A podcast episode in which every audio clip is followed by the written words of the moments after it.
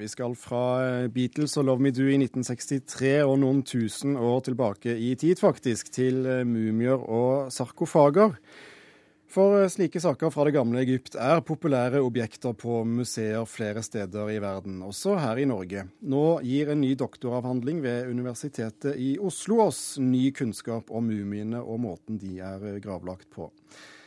Og den avhandlingen er det du som står bak, egyptolog Anders Bettum. Velkommen til Kulturnytt. Takk for det. Hva er det du har eh, funnet ut? Jeg, start, prosjektet mitt startet da jeg holdt på med masteravhandlingen min, eller hovedfagsoppgaven min, for noen år siden, og jobbet med en av kistene som er utstilt på Historisk museum i Oslo. Og øh, jobben min da var å forsøke å fortolke øh, alle bilder og tekster som prydet den kisten. Uh, og en ting jeg oppdaget gjennom det studiet, var at disse kistene ofte kom i hele sett. Uh, pakket, pakket inni hverandre, som sånne russiske dukker omtrent.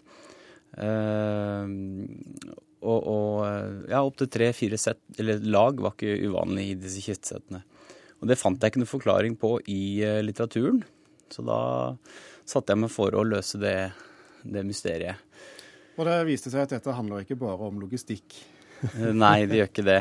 Og det handler heller ikke bare om status, for det er jo mye av grav... Eh, det materielle gravkulturen som forklares slik. Hvorfor brukte de så mye eh, ressurser på, på begravelse? Eh, jo, selvfølgelig handler det om, om status og osv. Og, og vise rikdommen sin. Men eh, det er også en, en, dyp symbolikk i det. Og det gjelder ikke minst for disse kistesettene. Ja, hva, hva slags symbolikk? Eh, det er en tankegang om en slags prosess. Eh, jeg tror at noe av, noe av, grunnen til at det ikke har funnet noen sånn opplagt forklaring på dette tidligere, er at kisten kistene ofte gjen, det er gjentagelser og gjentagelser og gjentagelser. Hver figur i settet liksom reproduserer neste lag. Og det er vanskelig å forklare. Det er enkelt nok å forklare når, man, når det skiller seg, for da kan du tilskrive de ulike religiøse funksjoner eller symbolske funksjoner. Men den det gjentagelsene som, som, er vanskelige. Men, men, jeg tror disse gjentagelsene, særlig bildet av den døde som gjentar seg igjen og igjen og igjen, er et bilde på uh, gjentatte manifestasjoner i uh, underverdenen. Altså en slags prosess, transformasjon. Og dette henger sammen da med disse mytologiske syklusene til Osiris, uh, kongen av underverdenen, og solguden Amon-Ra. Tutankhamon eh, er en uh, mumie slash farao som kanskje de fleste kjenner til. Uh, hvordan ble han lagt konkret? Ja, Hans kistesett er jo det mest kjente av alle, selvfølgelig. han hadde jo da denne berømte masken som alle har et forhold til. den var tredd over hodet på mumien. Og i det laget, som, vi, som jeg kaller det, så, så, ligger det også flere prydgjenstander som var lagt på mumien utenpå bandasjene. Eh, så var alt dette pakket inn i en kiste av rent gull. Eh, intet mindre? Intet mindre, som igjen var pakket inn i to eh, kister til, begge i, menneskeform. Og de var da dek, de var dekket med gullblad og med, med innlagt med edelstener osv. Så, videre. så da er vi oppe i fasaden på mumien pluss tre antropoide kister, eller menneskeformede kister. Dette var da pakket inn i en eh, steinsarkofag, som igjen var parkert, holdt jeg på å si, eller plassert inn i eh, fire tresarkofager. Så du har åtte kistelag i dette settet. Pluss selvfølgelig alle lagene som, som inngår i selve mumien, i, i bandasjelagene der. Så strukturen fortsetter i selve mumien. Og du kan også se at den fortsetter ut i graven med alle kamrene og, og gangene og korridorene i, i, graven.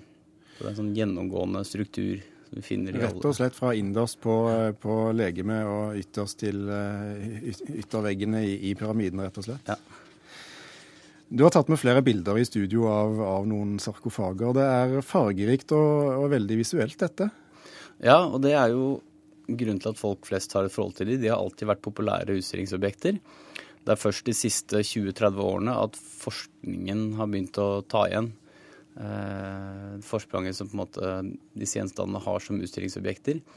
Så, så det er et relativt ungt eh, forskningsobjekt, faktisk.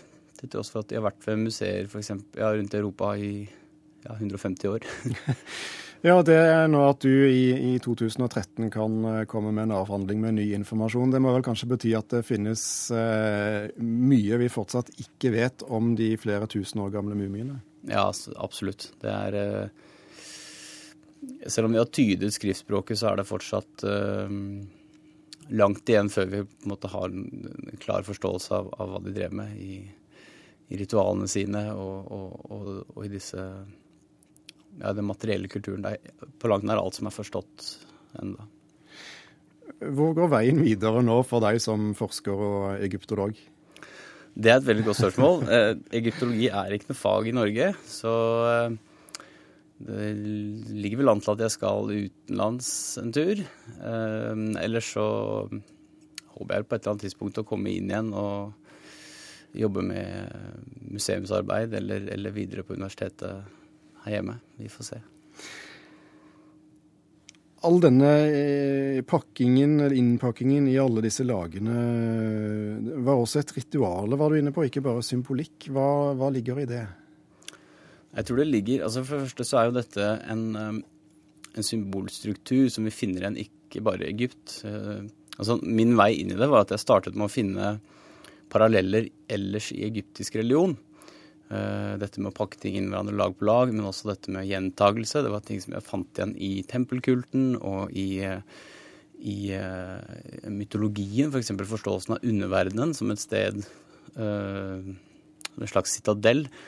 Man må gjennom uh, flere lag med porter før man kommer inn til sentrum. samme vei ut igjen. og så fant jeg tilsvarende struktur i underverdenen i Mesopotamia, og derfra så så balla det på seg, og til slutt så var det vel ikke en kultur i verden hvor jeg ikke fant noen tilsvarende. Så dette er noe som er sånn fellesmenneskelig gods. Og dermed så må vi lukke kisten og sarkofagen i Kulturnytt også, for denne sendingen har ikke mer tid å gå på. Gjermund Jappé, Karl Johanne Imstad og Thomas Alverstein Ove takker for følget.